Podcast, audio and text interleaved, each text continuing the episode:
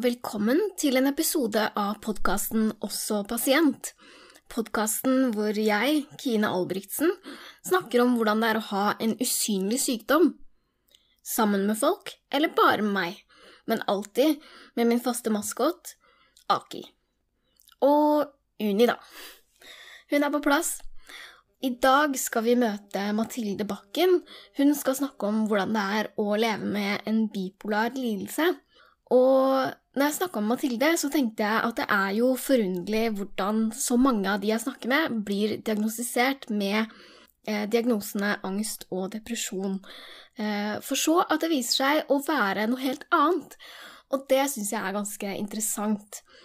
Eh, jeg og Mathilde snakker også mye om aksept, og jeg føler at første gang så har det gått opp noen lys for meg om hvordan man faktisk kan jobbe med aksept for sykdom, også sykdom som ikke går over. For Mathilde vil jo ha en bipolar lidelse for alltid. Um, selvfølgelig med varierende symptomer.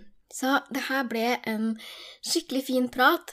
Kanskje har du sett Mathilde i NRK-programmet Superhundene. Der får hun hunden Vito, som kan hjelpe henne med ting og tang og være en god støtte i hverdagen. Så hvis du ikke har sjekka ut det, sjekk ut uh, Superrundene. Og um, ja, kos deg med episoden, så høres vi.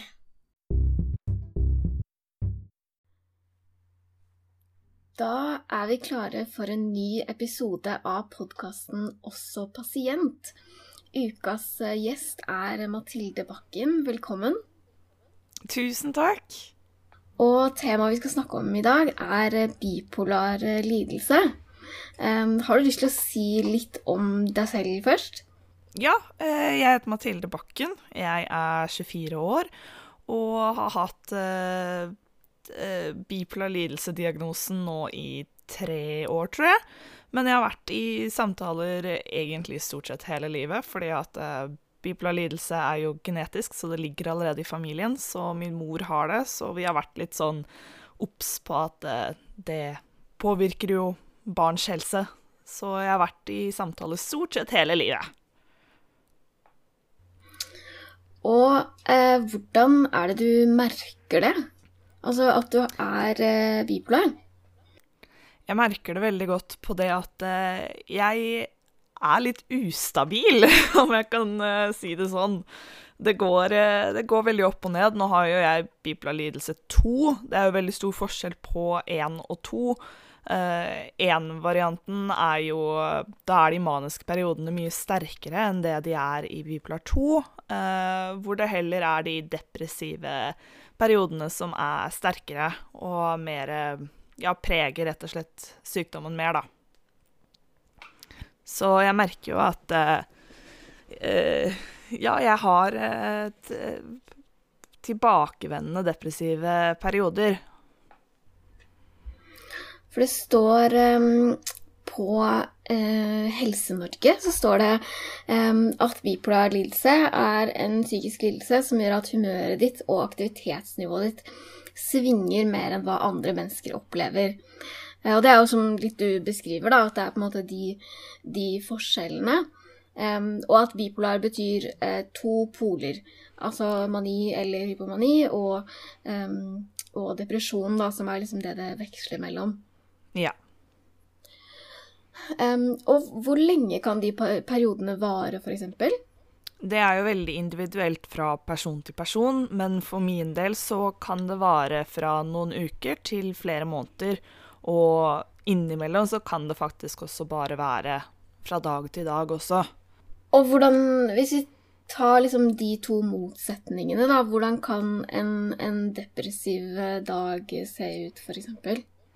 Eh, nå går jo jeg Jeg har starta på stemningsstabiliserende medisiner, så nå er jeg jo veldig mye mer stabil. Men før jeg begynte på det, så var det Da var det ganske ille. Da var det eh, typ at man Eller at jeg ikke hadde noe særlig lyst til å leve lenger. Eh, og det preger jo definitivt dagen veldig mye. Og de periodene så var jeg stort sett sengeliggende og gjorde ikke sånn eh, veldig mye. Jeg gjorde vel egentlig ingenting. Jeg prøvde å få i meg den maten jeg fikk i meg, og sov stort sett hele tiden. Og det Ja, det preger, pre preger jo dagen veldig. Men nå har jeg jo begynt på stemningsstabiliserende, så nå er jo det veldig mye mer stabil, så jeg kommer meg fortsatt opp. Jeg har en hund som gjør at jeg har eh, eh, Hva heter det? Eh, ansvar. Eh, så jeg må komme meg opp, jeg må komme meg ut. Eh, og det er heldigvis litt lettere nå. Ja, så bra. Og ja, hva når det er på en måte de, de mm, maniske periodene? Hvordan ser det ut da?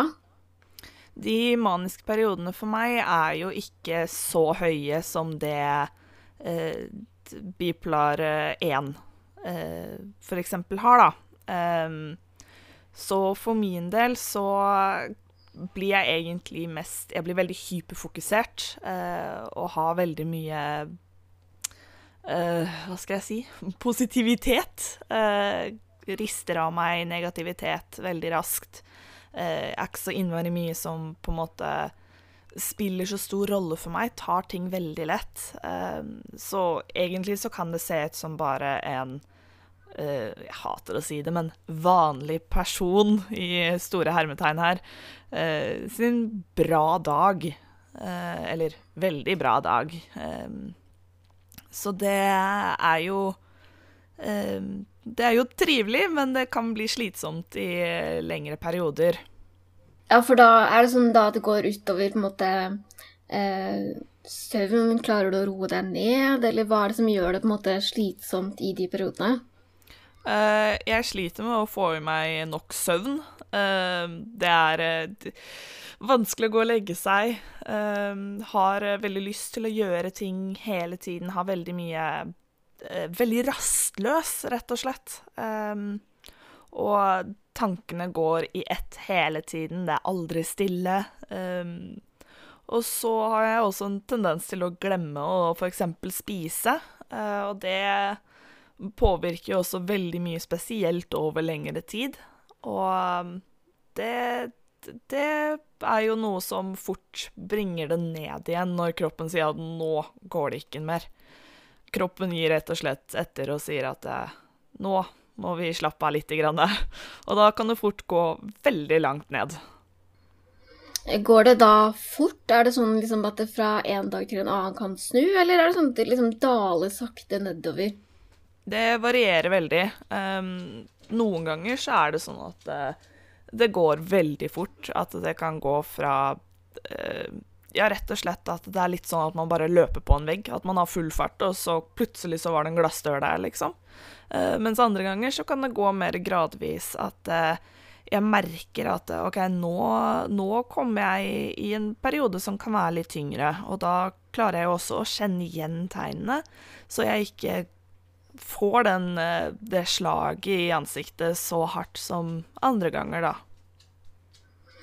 For, men hvordan var det her i starten? Fordi du sa jo noe om at det, det ligger i, i familien, um, og at dere sånn sett har vært obs på det. Men uh, når var det du fikk uh, den bipolar-diagnosen? Den fikk jeg for uh, ca. tre år siden.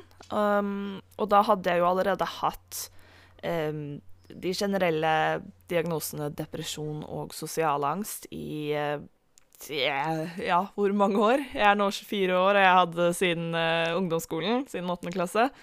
Um, så det gjorde det jo veldig vanskelig, fordi at jeg gikk jo da på feil medisiner, jeg hadde feil terapiform, um, og rett og slett ikke klarte helt å forstå hvordan min egen tankegang funket, hvorfor kroppen min gjør som den gjør, hvorfor jeg alltid havnet tilbake i de depressive tilstandene. At jeg alltid ble veldig mye bedre og tenkte at å ja, ja, men så bra, jeg er kurert. Og så går det noen uker, noen måneder, og så er jeg helt tilbake igjen.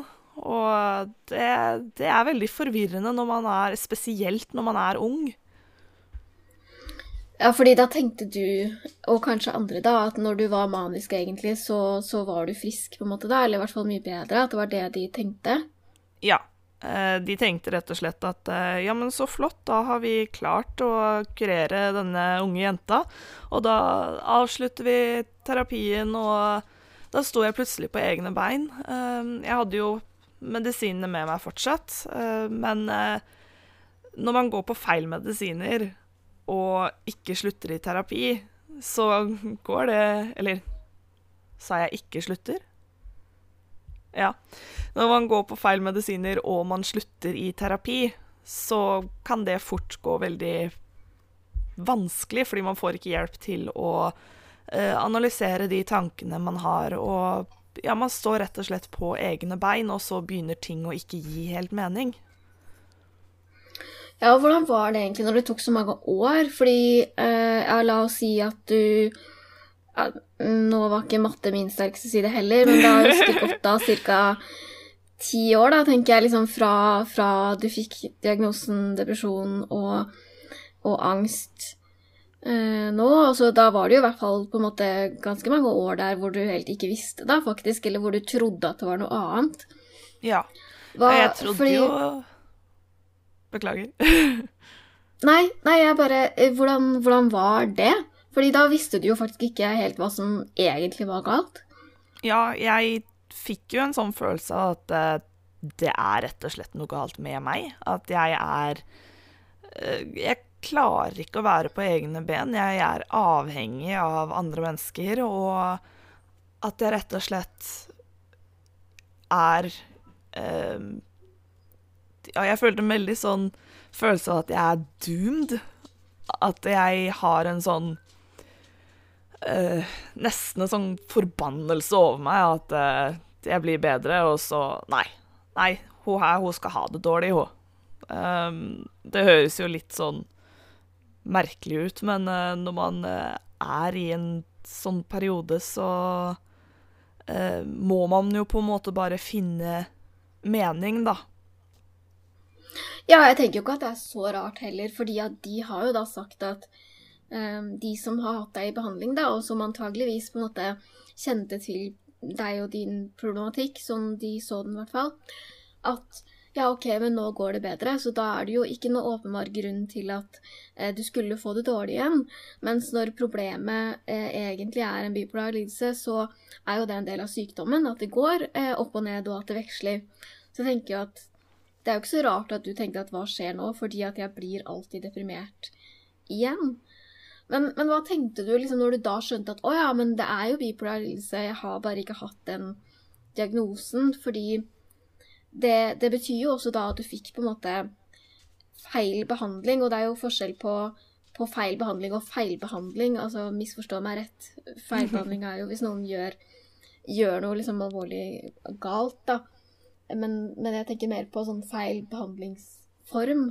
Mm. Hvordan var det da du fant ut Eller ja, både hvordan var det, og når fant du ut av Å ja, men det er jo dette, og det er dette jeg trenger, på en måte? Ja, eh, det var veldig frustrerende, fordi at gjennom alle disse årene så har eh, min mor alltid vært med på de første timene og sagt at eh, hei, dette ligger i familien, i genene våre, og vi har lyst til at vi skal få tatt noen tester på dette her, fordi hun har veldig mange av de samme eh, symptomene, og eh, det hadde ikke vært unaturlig, da, at det kan være eh, en diagnose vi kan komme frem til. Og da å konstant ikke få tatt de testene, og følelsen av å ja, nesten bli litt sånn latterliggjort, og at OK, moren hennes er bare overbeskyttende og paranoid, det gjør veldig vondt. Um, ikke bare fordi at jeg blir oversett, men også fordi at uh, mamma betyr jo veldig mye, og hun blir jo veldig påvirka av dette også. Hun er jo Ja, hun har jo samme lidelse som det jeg har, og da å føle at uh, verken hva hun sier, eller sin datter, uh, hva sin datter opplever, blir tatt seriøst det gjør kjempevondt. Så å endelig få kommet meg til en psykiater som Ja, i løpet av den første timen vi hadde, så husker jeg at hun sa det at eh, du har feil diagnoser, og du kan selv velge om vi skal prøve å finne frem til de riktige diagnosene, eller om du vil at vi bare skal fortsette videre behandling. Og ja, rett og slett gjorde det til mitt valg, da. Og det var jo ikke noe spørsmål for meg. Jeg ville jo finne ut av det her, fordi at jeg, jeg så jo at jeg hadde veldig mye av de samme symptomene. Og det ga jo ikke mening at jeg skulle være dårlig, bli bra, bli dårlig igjen, bli bra i så mange år og aldri komme meg videre. Nei, det ville jo vært, vært rart, også når du har fått på en måte eh, behandling for, for, depresjon, og eh, det ble bedre, da, fordi hadde det vært sånn at du i hermetegn bare ble, eller ikke ble, var eh, deprimert, så hadde det jo blitt veldig rart om du ble deprimert igjen hele tida, på en måte. Det hadde jo ikke helt gitt mening. Nei. Og det hørtes ut som at du da ble veldig sånn sett og tatt på alvor av hun øh, psykiateren. Mm. Og, men var du glad for at du fant ut av det, eller var det irriterende at det var så sent, eller hva, hva tenkte du da? Det var veldig blandede følelser, fordi at øh, den tunge og mørke tanken om at uh, du har gått så lenge og ikke blitt tatt seriøst, konstant fått et slag i trynet om at eh, du er bare i hermetegn, deprimert. Eh, depresjon er definitivt ikke noe å sette inn i en bare, eh, men eh, det, det, gjør veldig vondt. Eh, spesielt når man også har gått og sagt at jeg ønsker en revurdering av diagnosene, fordi at jeg føler ikke at dette hjelper.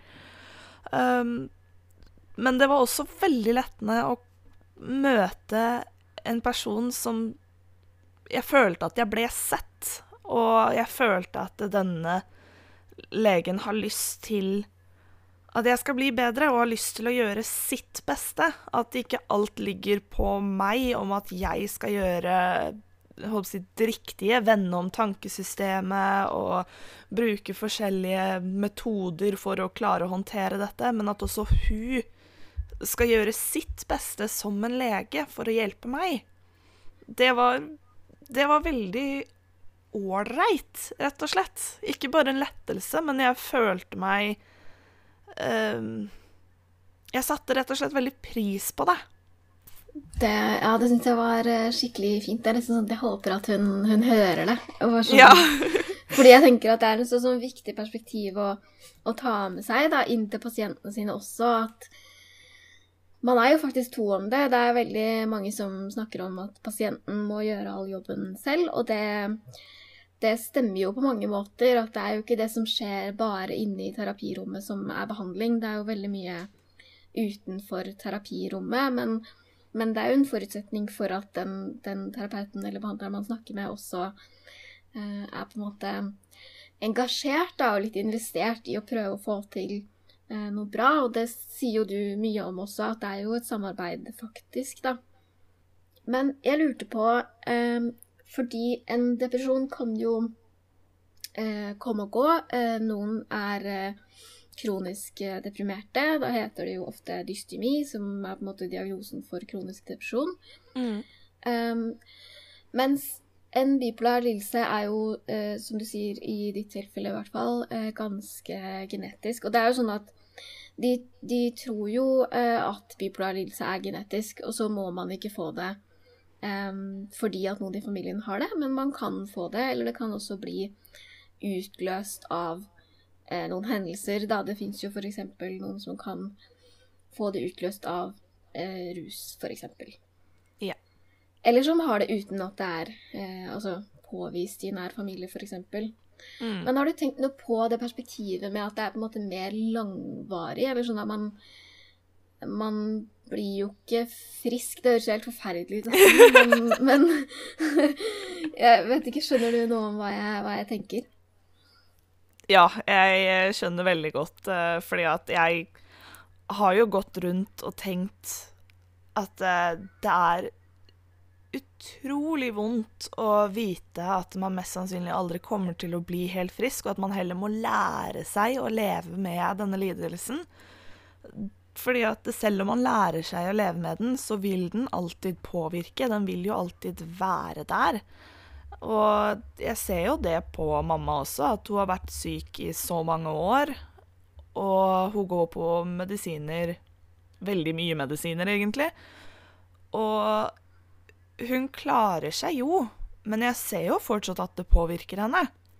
Og det er egentlig ganske tungt å tenke på at uh, uansett hvor hardt man jobber, så vil den alltid være der og liksom kile deg litt under armene, da.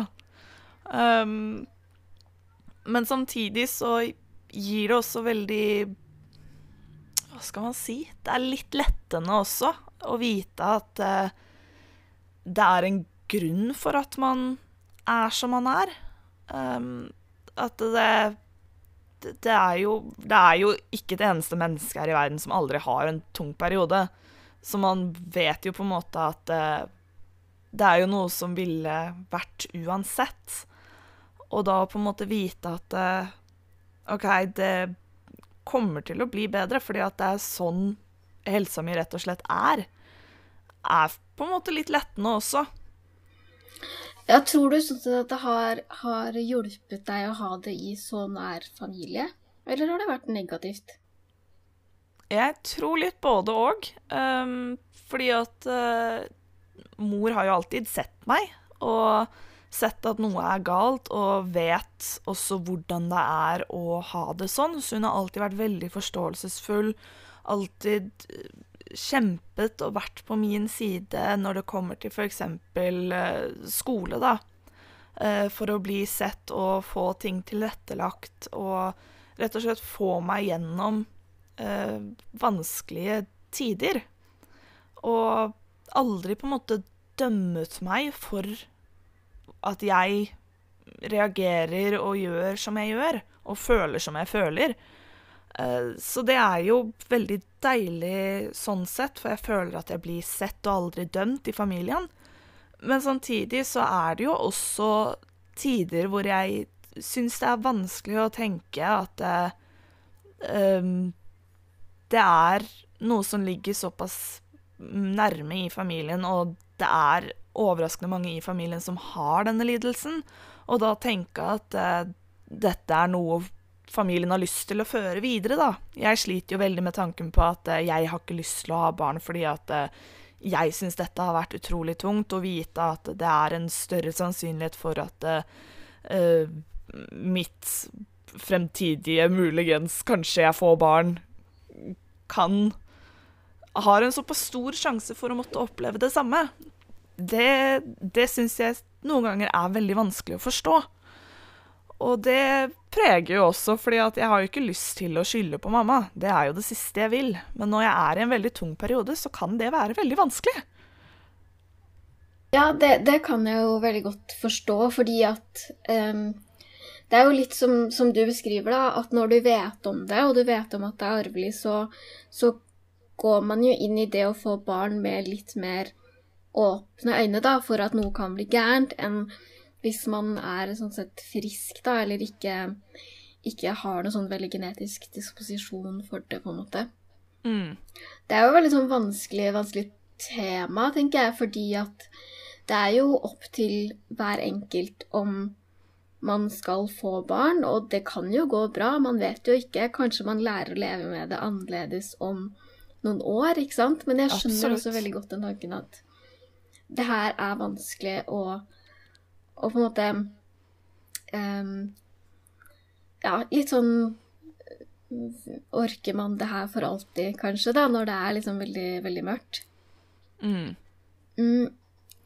Men har du på en måte klart å akseptere de svingningene? At det går opp og ned, da, og at det er på en måte bedre perioder og dårligere perioder? I hvert fall nå som du kanskje er medisinert og litt mer stabil. Ja. Eh, det har jo på en måte vært noe som har vært lettere å akseptere så fort jeg fikk de riktige diagnosene, fordi at ting gir litt mer mening. Uh, men jeg syns jo det er vanskelig fordi at uh, jeg vet aldri hvordan jeg er neste uke, da, eksempel. Så jeg syns det er vanskelig å f.eks. legge planer i fremtiden. Og det kan jo være veldig vanskelig, spesielt for f.eks. venner da, som har lyst til å planlegge f.eks. Ja, la oss dra på hytta i påsken. Og så kan jeg sitte der og tenke at jeg vet ikke om dette går. Dette er noe jeg vet må planlegges frem, liksom, på forhånd. Men jeg kan ikke vite om jeg orker det i senere tid, og jeg får utrolig dårlig samvittighet av å avlyse ting. Og da er det fort at jeg har en tendens til å si nei, fordi at jeg er rett og slett redd for at jeg er nødt til å skuffe noen. Hva er det beste man kan gjøre da, som, som venn for din del? Jeg er jo utrolig åpen med vennene mine, og vennene mine veit at jeg er ustabil, rett og slett.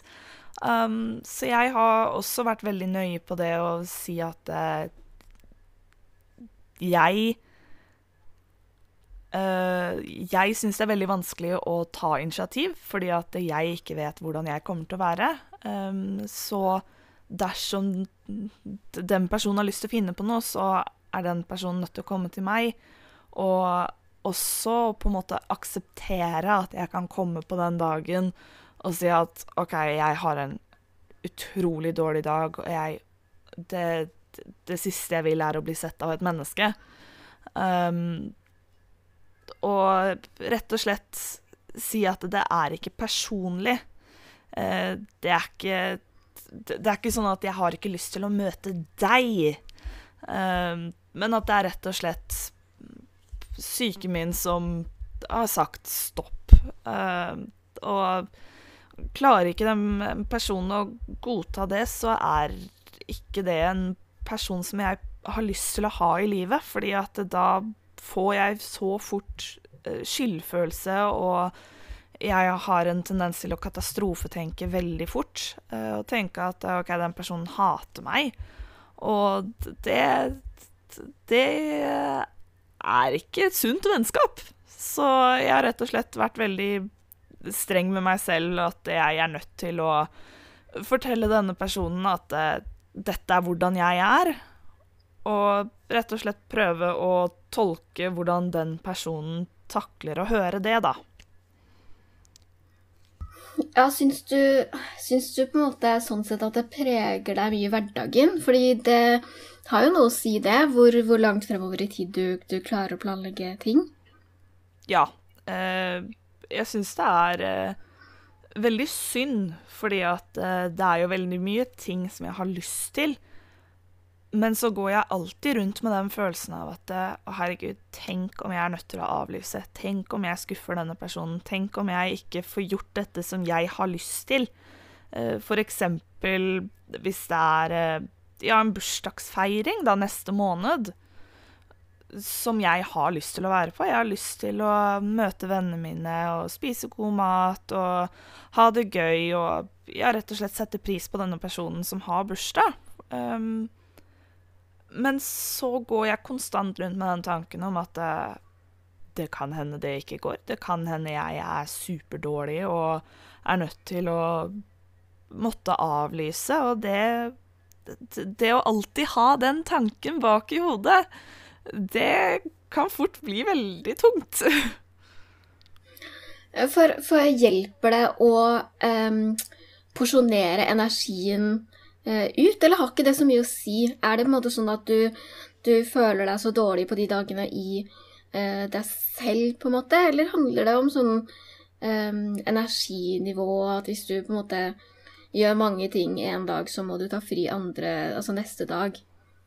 Ja, det Jeg blir veldig påvirka av hva jeg har gjort tidligere. Um, og det tar jeg det litt tilbake til hva jeg sa i starten, om det at uh, når jeg er i mine maniske perioder, så må jeg gjøre ting hele tiden. Jeg klarer ikke å sitte stille. Og da er det veldig fort at uh, jeg er nødt til å sette meg ned og prøve å tenke OK, dette er hva jeg skal gjøre i dag. Ikke gjør mer enn dette. Når du har gjort dette, så sett deg ned, ta, ta en pust, spill litt spill, gjør noe som ikke krever så mye.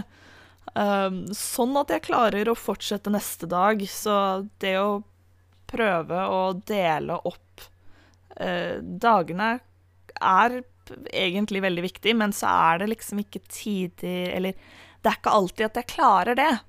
Og da er det fort at jeg går på en smell. Og hvis jeg er i en dårligere periode også, så kan det hende at det er ting jeg er nødt til å gjøre. Som f.eks. at noen ganger så er jeg nødt til å dusje. Eh, eller jeg er nødt til å gå og lage meg noe mat. Og da kan det fort gå utover uh, neste dag at da er jeg utrolig sliten. Da er jeg ofte mer sliten enn det jeg var dagen før. Ja, det, det, sier jo også noe om hva som på en måte blir um, slitsomt og krevende, da. At det er jo litt som du sier, at da må man jo kanskje velge Skal jeg dusje, eller skal jeg klare å dra i den bursdagen? Og da kan jo den dra i den bursdagen Det innebærer jo ofte mm, kanskje dusje, skifte, sminke seg. Altså det er jo veldig mange ting der som krever på en måte såpass mye energi, da, at da, da skjønner jeg litt mer av hvorfor det hvorfor det da ikke, ikke, helt går, på en måte. Nei, det er jo da, ja, som du sier, at eh, hvis jeg kanskje en dag har satt et mål om at OK, jeg skal prøve å klare å dusje, det er alt jeg skal tvinge meg til å orke i dag, og så måtte på en måte Ja, gjør som du sa, jeg må dusje, jeg må sminke meg, jeg må fikse håret, jeg må kle på meg klær. Jeg er nødt til å gå ut blant andre mennesker. Konstant være på en måte oppegående og representabel overfor andre mennesker. Og være glad og vise glede og kjærlighet overfor vennene jeg har. Da å på en måte gå så mange skritt videre fra det å bare ta den ene lille dusjen, og så kunne gå og legge seg, det Ja, det, det tar mye. Ja, det, det, kan jeg også kjenne meg igjen i. Altså. Det er eh, noen ganger mer enn nok å bare få tatt seg en dusj og få, få, gjort noe. Da er jeg jo ofte veldig sliten av at jeg har gjort veldig mange andre ting, som regel. Men eh, jeg også kjenner jo på det at eh, um, som, som, på en måte er deprimert, da, så er det jo um, ofte at det krever liksom lengre hvilepauser. Også litt for å unngå å gå på en smell. Da jeg har jo lært det den harde måten, at jeg må på en måte prøve å legge inn litt sånn pauser og litt sånn kjipe, kjedelige ingenting-dager før jeg liksom tenker at OK, nå klarer jeg ikke noe annet enn å ligge i senga en uke, på en måte. Mm. Men det er en vanskelig balanse, og vanskelig å på en måte porsjonere ut som ja, I hvert fall jeg tenker at jeg lærer av underveis, da, men det tar eh, jammen lang tid, syns jeg. Ja, veldig. Og selv etter så mange år i samtaler og jobbing med tankesett, og jeg vet jo på en måte hva som er riktige måten å tenke på, og hva som faktisk er realistisk i forhold til uh, ja, f.eks. det at jeg katastrofetenker så mye, da. Men selv om jeg veit alt dette her, så klarer jeg ikke å gjøre noe med det uansett. Jeg veit på en måte at uh, OK, det jeg gjør nå, det er hva det, det, er, holdt på i, i hermetegn, det er galt. Um, I forhold til hva som er uh, ja, det bedre valget ovenfor min egen helse. Ja, og det er jo det som er litt sånn tricky, fordi eh, hvert fall har jeg møtt ofte i behandling at folk sier ja, men du har så mye selvinnsikt. Det er bra. Du er veldig reflektert, du har masse selvinnsikt. Så sånn, ja, det skjønner jeg, men som du sier, du vet hva du burde gjøre, du vet hva du skal, og så gjør du det ikke likevel. Ja. Og hvorfor ikke det? Det er et veldig godt spørsmål. og jeg tror det er veldig mange som sliter med det også, og da må jeg jo også igjen gi eh, cred til den psykiateren som jeg går hos nå, for hun har vært veldig flink til å uh, legge frem to alternativer hvor jeg vet, og jeg sier også at jeg vet at det valget der, det er det riktige, men jeg velger det der. Og da syns jeg hun er veldig flink til å ikke bare si Ja, som du sa, at eh, ja, men du er reflektert, da vet du at du er nødt til å velge det der. Du veit jo allerede fra det, så da gjør du det neste gang. Men hun sier heller eh, Hun prøver å få meg til å forstå hvorfor jeg går for det andre valget, og på en måte eh, hjelpe meg med å forstå og akseptere at eh, det er hva jeg går for. Og prøver å hjelpe meg til å finne ut av hvordan jeg kan komme meg til det punktet hvor det i fremtiden er det valget som er naturlig. Ikke gå rett på at neste gang, da skal du velge det. Men heller få meg til å akseptere at OK, akkurat nå så er det det valget jeg tar, og det er greit. Vi skal komme oss dit en dag. Ja, det jeg tenker eh, du sier der, at det er så viktig fordi at um, det er jo ofte av en grunn at man velger uh, det andre valget, da. Nummer to, som, som, kanskje ikke er så bra for deg. Det er jo noen grunner til det, fordi at du tar jo ikke valg helt sånn uten noe bakgrunn. Du, du tar jo valg ut fra hvor du er og hvilken situasjon du står i, og så vet man jo kanskje at det er feil, men men når jeg ser på den situasjonen utenfra, så ser jeg det på samme måte som at hvis jeg hadde sagt sånn Å ja, men du vet jo at det er eh, nummer én som er riktig, så du må bare gjøre det. Det blir litt det samme som å si sånn Ja, men det er jo bare å spise maten din til noen som har en spiseforstyrrelse. Eller ja. eh, det er bare å tenke positivt, så slutter du å være deprimert. Fordi ja. jeg skjønner jo det veldig godt, at det er jo ikke bare å gjøre det, da hadde man jo gjort det. fordi da hadde man jo ikke vært syk, på en måte. Mm. Men jeg kan jo i hvert fall kjenne igjen det at jeg syns det er veldig irriterende å vite hva som er riktig valg, men ikke greie å velge det.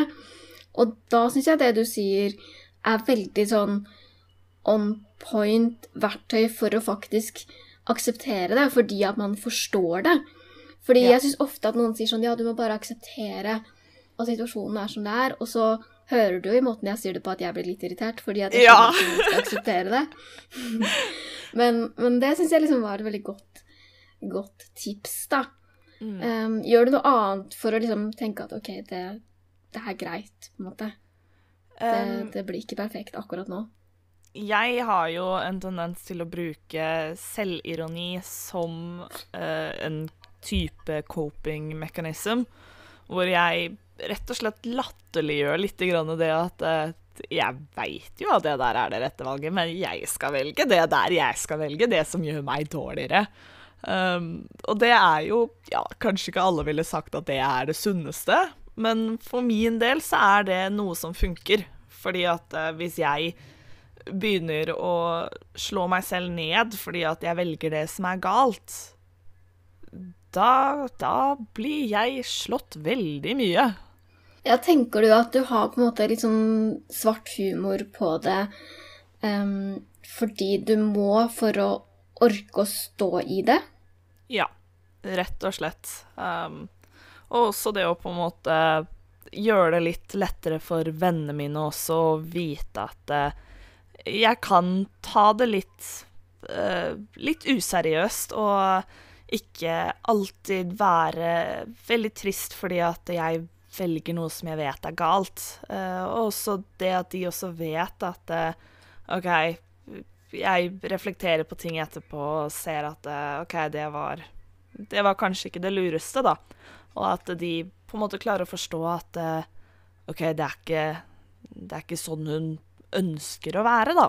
Det tror jeg hjelper ikke bare meg, men også dem veldig mye. For det er jo veldig viktig for venner og familie og de rundt deg å forstå at uh, Ja, at jeg prøver å være bedre, men det er ikke alltid så lett. Absolutt. Men, men, tror du at det at du har humor på det og kan på en måte le av det, gjør at du eh, gjør deg på en måte mindre tilgjengelig for å være sårbar? Ja, det tror jeg absolutt. Det, jeg tror det er vanskeligere for andre, eller i hvert fall sånn som jeg ser det, da, at eh, dersom noen begynner å erte meg for det, så kan jeg på en måte klare å erte meg selv med, da. At jeg klarer å uh, se at uh, det er uh, Jeg vet jo at det er teit. Jeg vet at det er rart. Jeg vet at det er tullete av meg, og da å på en måte bare heller være med og le av det er litt lettere, og da blir jeg ikke like såra og sint og føler meg ja, det er jo lett å føle at man på en måte blir sett ned på, da. Det syns jeg da er litt lettere når jeg klarer å se at ja, men det er jo, det er jo teit. Og det gir jo ikke mening.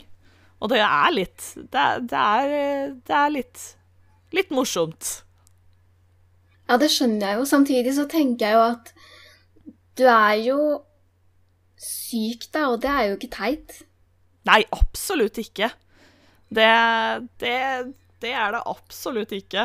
Og jeg prøver jo å bli bedre hele tiden. Fordi jeg har jo ikke lyst til å være sånn. Jeg har jo ikke lyst til å uh, Ja, bli uh, Bli gjort narr av fordi at hjernen min er som den er.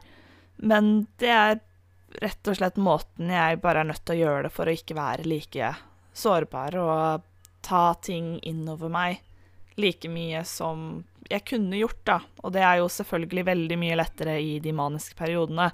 For er jeg i en depressiv periode, så da lar jeg alt gå innpå, for da orker jeg rett og slett ikke å sette opp den veggen der, da. Da lar jeg meg selv være sårbar fordi jeg ikke orker noe annet. Det, ja, det gir jo veldig mening. Og det er jo på en måte en, en mekanisme for å beskytte deg sjøl ja. litt, da. Fordi at noen antageligvis da kan si sånn at det er teit, eller, eller liksom rart, da. Eller at du på en måte gjør ting du vet ikke er det beste for deg, på en måte. Mm. Men så tenker jeg også at det står jo veldig mye respekt av å prøve å endre på det hele veien, og at du også klarer å prøve å velge noe annet igjen og igjen. Og det står det jo veldig sånn creds for å stå i, tenker jeg, fordi at det krever så mye stamina å prøve å liksom tenke at ok, det gikk ikke den gangen her, men jeg prøver igjen neste gang. At det, det krever nok også veldig mye, kan jeg se for meg. Ja, det tar veldig mye energi og selvkontroll. Eh, klare å eh, stoppe og tenke at eh, OK, sånn var det nå. Men det spiller ingen rolle. Det kan bli bedre. Du kan rette det opp. Det, det går. Det, du er ikke Hva skal jeg si Ødelagt, om det gir mening. Jeg føler meg jo veldig ofte eh, ganske ødelagt og sier ofte til venner og familie at ha-ha, jeg er så broken. Eh, men allikevel så vet jeg jo også innerst inne at eh, ja, jeg har problemer, og jeg tenker ikke alltid som jeg burde gjort. Men det betyr jo ikke at jeg er ødelagt og verdiløs for det om. Og det er utrolig vanskelig å snu om den tankegangen. Men uh, det er noe jeg har jobba hardt med, og jeg jobber fortsatt med det. Og det er absolutt lettere å se det i etterkant. At uh, OK, nå gjorde jeg narr av noe som faktisk burde uh, ta det seriøst også, da. Jeg tenker jo at liksom ved, ved, at du tuller med ting, så tar du jo også liksom ansvar uh, på, en måte, på en måte for de andre, for at de ikke skal synes at situasjonen er ubehagelig. Som jeg tenker at du ikke trenger å gjøre alltid.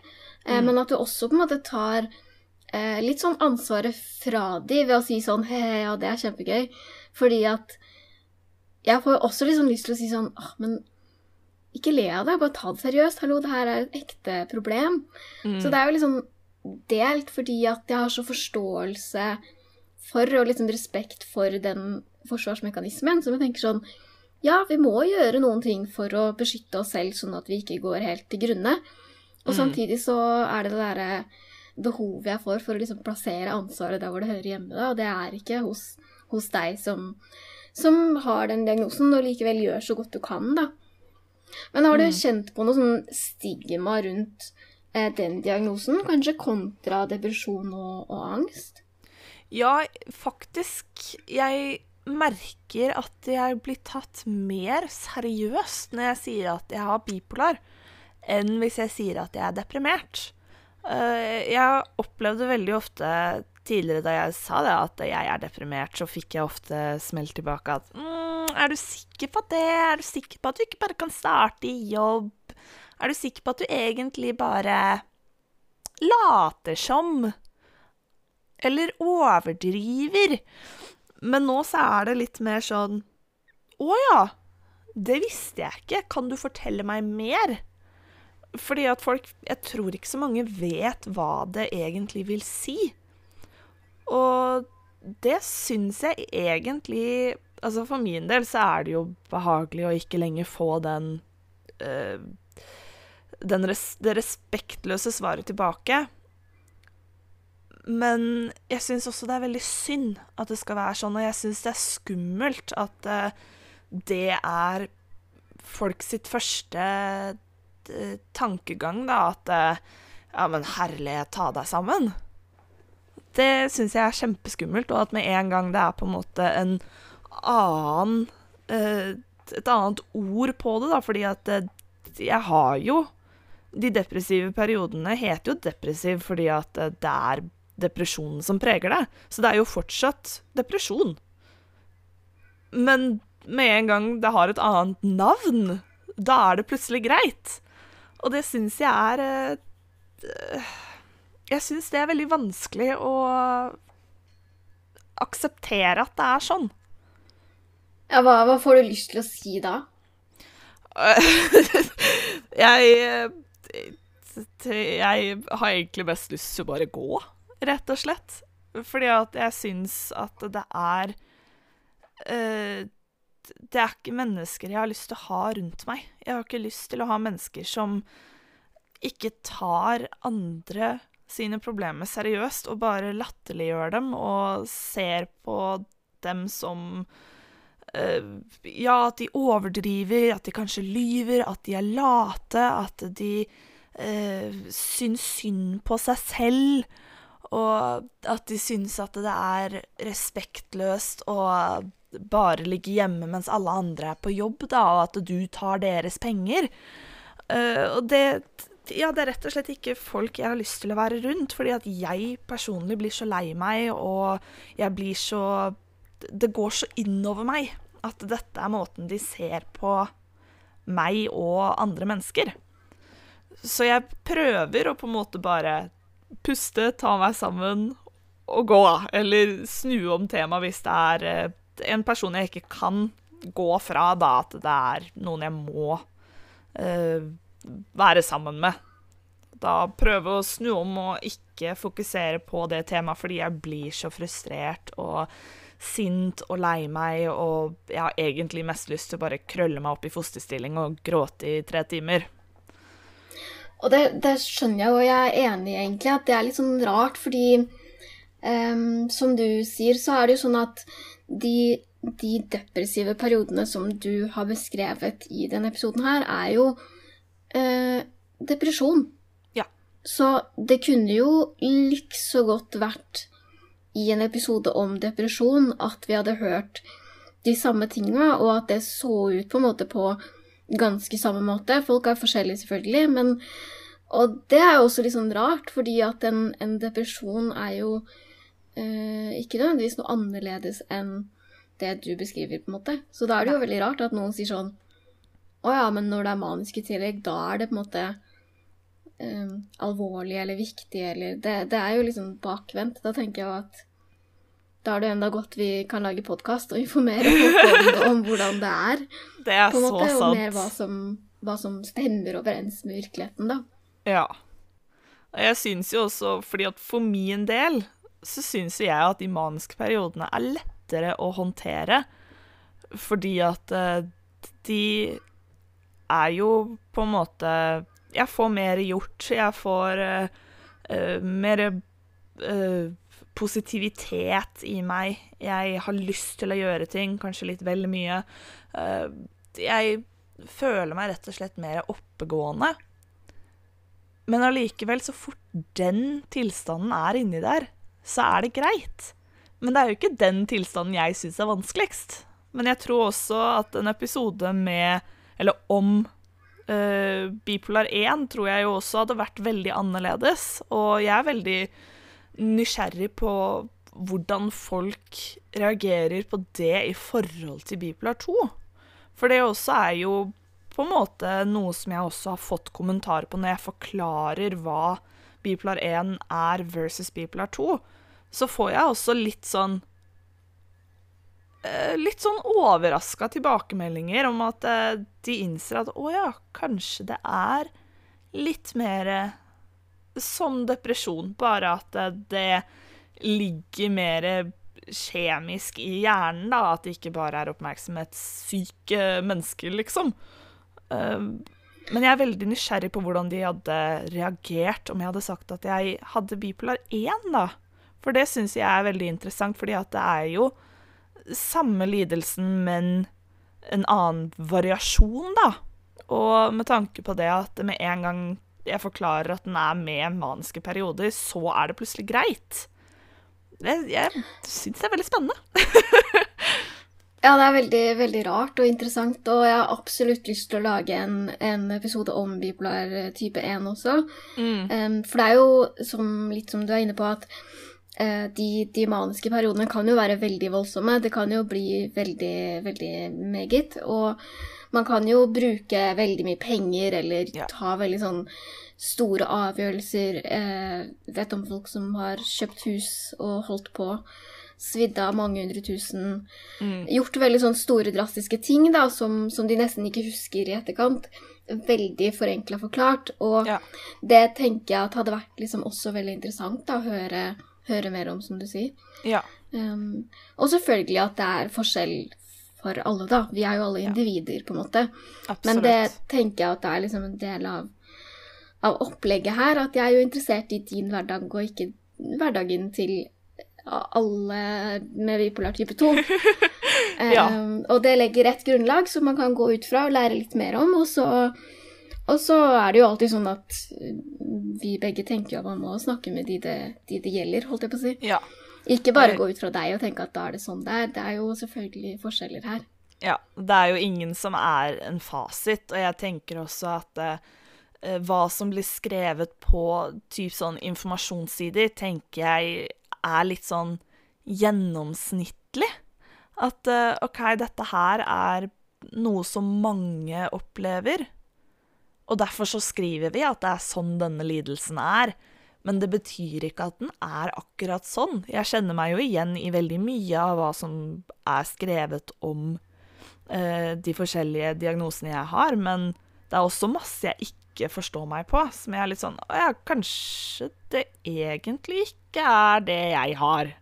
Men så må jeg jo bare tenke at jo, det er en lege som har sagt det, at uh, dette her er Dette er det, holdt jeg på å si, og med den terapien som hører til den lidelsen, så har det hjulpet meg, og da må jeg på en måte bare akseptere og tenke at det, ja, men det er jo Det er ikke sånn at alt stemmer. Det er ingen fasit på en sykdom, da. Det er nettopp det. Og det mm. tenker jeg også at det er litt viktig å si at um, Som du sa helt sånn innledningsvis, at de, de, rundene du har vært på DPS når du har eh, blitt behandla for Eh, depresjon, og det på en måte viste seg å ikke fungere, så er jo det fordi at du ikke fikk eh, riktig behandling ikke sant, for det mm. faktiske mm. problemet, som jeg tenker at er eh, både problematisk i seg selv, men også litt sånn Da er det jo mer derfor det ikke funker. Ja. Eh, fordi at det rett og slett ikke var riktig, da, og at de diagnosene åpner jo, som du sier, døra til riktig behandling og riktig medisinering, som jeg tenker at det er på en måte ja, viktig å bare ha med seg, da. Ja. At selv om kanskje ikke alt passer, så hvis det er på en måte en riktig, riktig diagnose som er stilt, så håper man jo også at det som er liksom antatt å funke, forhåpentligvis har en viss effekt, da, i hvert fall. Ja. Og jeg husker jo også Jeg syns det var så merkelig da jeg startet hos, uh, hos psykiateren som jeg er hos nå. Og jeg begynte å komme inn i en manisk periode, og jeg fikk spørsmål om hvordan du har det, og så var det liksom svaret ja, jeg har det bra, dette her er alt jeg har gjort, jeg har vært så flink, og bla, bla, bla.